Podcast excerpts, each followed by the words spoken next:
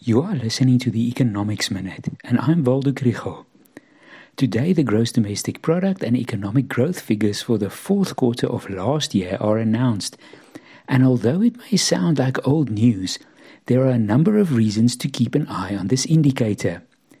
This episode is supported by the Bureau of Economic Research in Stellenbosch and the NWU Business School.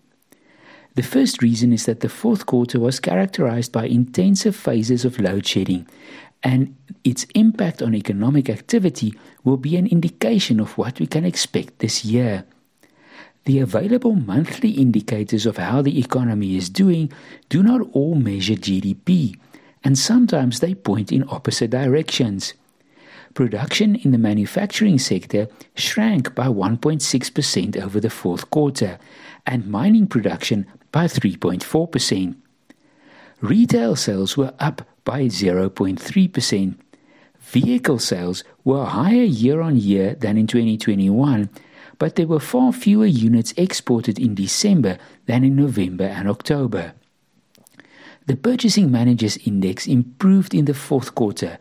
The Consumer Confidence Index improved and the Business Confidence Index weakened. We already know that the economy created a number of new job opportunities in the fourth quarter. Yet, the consensus amongst analysts is that the economy contracted in the fourth quarter. The official economic growth figures will help to round out this picture.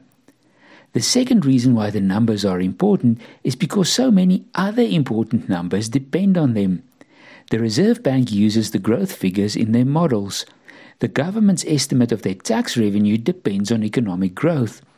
Ratios such as the budget deficit to GDP and government debt to GDP, and even the GDP per capita, are determined by this figure. many of our problems will be solved with a little economic growth. I hope our businesses have been more resilient to load shedding than the analysts think.